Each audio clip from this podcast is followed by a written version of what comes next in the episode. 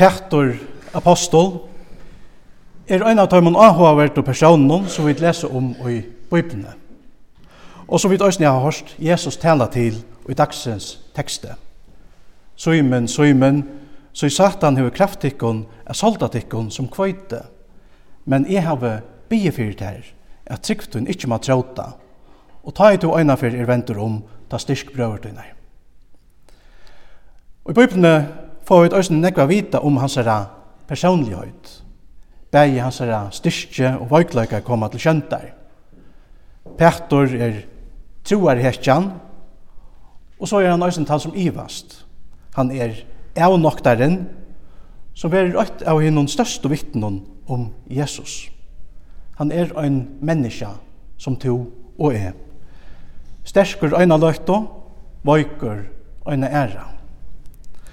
Etter er det som så ofta eh, er til større trøst for jokken, da vi er støtt og høykleka.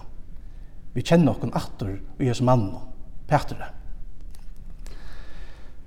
Petre var begge løyere tja lærersvennen og løyere og i den første kristne samkomne. Øysene var han troboere. og altså i noen misjonsferien kom han etter øtlene døma til Rom.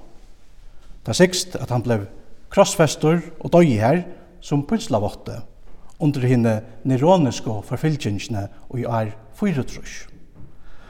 Det var også sagt at Petur er gjerraver under Peturskirkene og i Rom. Petur var mittel anna kjentur fyrir sinna Kristusjottan. Er han jottar og sier om Jesus, to er Kristus, sonur hins livande Guds». Jeg synes jeg vet Petter som en troer i hekjo. Men søtten jeg høyre vet øysen om avnoktan Peter. Og i sin noen det har Petter sagt at han omkant du skulle tekka seg møymboa av Jesus. Men Jesus sverar jo noen og sier sannelig, sier til her, og i hese nått, og er en hengen gjelder, skal du avnokta med trutja ferir. Hesi årene steg fra henne sørste kvelden Jesus var sammen vi sin lærersvenn. Judas har gjørst en avtale vi høvesprestene om å svitja Jesus. Jesus han er innsett kveldmåltøyene og sagt hver skulle svitja han. Det er sunnkje lovsangen og er nå av vei til oljefjallet. Jesus han sier at er atler må få møympåa av honom hesa nottena. Tar færre atler a svitja Jesus. Men Peter, han noktar, ikkje han. Han fyrir ikkje a svitja Jesus. Men hans herre år kommer kjøtt til at være motsøkt av hans herre egnu gjerningon. Og hetta understryker Jesus æsne fyrir honom, men Peter han noktar korsene at trykva, trykva du. Han er pura visserui at han for sjålande ikkje svitja sin herra. Etter at Jesus er tidsin til fenga og i Gethsemane, fylgjer Petron hon lengt aftanfyrre. Han kjemur allan vegin inn i borgargæren til høvspresten og setter seg at verma seg vi elden. Hva Petor hever hoksa, vita vi ikkje, men det er kanskje nærliggjandi at hoksa at han kanskje har haft atlaner om at bjerga Jesus. Det at han hei jo drie svøre og i Getsemane og høgt øyra av en mann som heter Malkos. Og en tænare, tænare til høyspresten om. Etta viser bare at Petur enn ikke hei fjerta, at Jesu løying og deie ta var en pastor av Guds ståro frelst i atlan. Medan han så sitter her i borgargæren kommer en arbeidskona til hans og sier, «Tu varst øysene vi, Jesus, galensknum. Petter er nok der og sier, jeg vet ikke, jeg vet ikke hva du sier. Vi fargar hans ser en annor arbeidskonan og sier, vi teg, så var det her, hessen var øysene vi Jesus ur Nazaret. Petter er nok der aktor, vi er noen øye, jeg kjenner ikke den mannen. En av løtte søttene, søttet teg som stod og nærkja Petre, jo, Vurst er du òsni i øyna av tøymon, tøy du kjenst jo òsni av mannen. Og nå øser Petersen og byrjar å banna og sverja og sier, jeg kjenner ikke den mannen. Jeg kjenner ikke den mannen, sier han. Og i så må løft og gøl hænen. Nå kom Peter og tankar om det, som Jesus har sagt vi han. Og her den hænen gjelder, skal du avnokta med trutja ferir. Og han brast og grått. Dette var i største fattlet til Petere. Han har rakt bottnen. Dian er etter ta ståra fattle hava sikkert være rævligir fyrir Petur. Da stendur ikke om hva Petur vær, lenka frutja det, og det er en fire Jesu opprøst. Han er sikkert skintje her pura ansamadler, fyrir seg sjálvan, tinktur av sindanei og skuldar kjenslo. Det er møvlet at Petur sa Jesus vera krossfestan, Det stendte jo skriva til Lukas. men atler hans er og ta kvinner som høttu fyllt honom ur Galileo stod lengt bortstå fra og hukte at Jesus. Peter han er i svitje sin herra, og kanskje sa han jo Jesus henge her av krossnum, nelda han tjøkken hendur og føtter. Nå var öllbøn ute. Men, så kom påskamorgon, kvinnar fører inn i grøvna og sóu ein unga mann sitande høyre megen og sujun kvitun klævun og tar rattost. Men han sier vi tær, reagist ikkje, til løyta etter Jesus ur Nazaret, innan krossfesta, han er risen opp, han er, er ikkje her, hitje, her er stavren, her som tar løttu han. Men færja sted, sier vi lærersvenner hans herra, og stenda opp i pektor. Han fyrir undan tikkum til Galileo. Her skulle til suttja han, så er som han har sagt tikkum. Stendig skriva, tja Marskuse.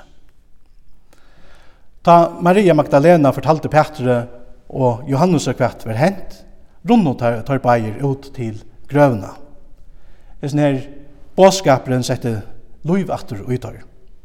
Halsanen, hever også tentra opprasjna trunna og ytterra gjørstum. Da Petter kom til grøvna, før han bøyna løy inn og gjerne. Og her sa han løgnklæene. Og vi hese sjøen er vånen sikkert spyrja a vakna aktor og ut og knusta hjertan tja Petre. Men enn rådde ive ut av hjertan, tog jeg tar hadde ikke se hinn opprissna Jesus enn. Tar hadde ikke se Men etter håndene synte Jesus seg fire synnen vinom. Han kom til lærersvennerne om kvölde og fikk seg at ekta som han vidt om. Men åren ekta hei han òsne synsig fire pektere personlige. Paulus sier det i 4. grunnbrevet. Han var sattur av, av kefase til Peter. Han var sattur av kefase og sujane av Tormund 12.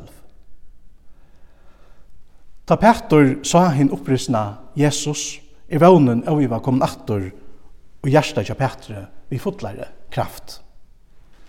Og det er sikkert tøy at han knyter alla sina kristne vevn, nemlig til Jesu opprøsning fra deg. Da han sier til kjente årene, så vi tøyra jaunan her i kyrkene, beg i samband vi, vi døp og gjerrafer. Lova vår være god, og feir vår herre Jesu Krist, som etter mikl og miskunnsynet hever endurføkt okkon til livande vevnar fyrir opprøsning Jesu Krist fra deg. Møtte vi hinn oppresen av Jesus, hever og iva først vissar at Petter øyne mest i øyne opprøsn og sin egna løyve. Da han sa Jesus, røys han opp ur tøy døytjennom av sorg og vannløse, som han, han var sakken så djupt nyrøy. Nå var han attor, frøyur, endurføttor til livande vannløy. Jesus han visste hver jeg røyndur Petur skulde og i djøknum.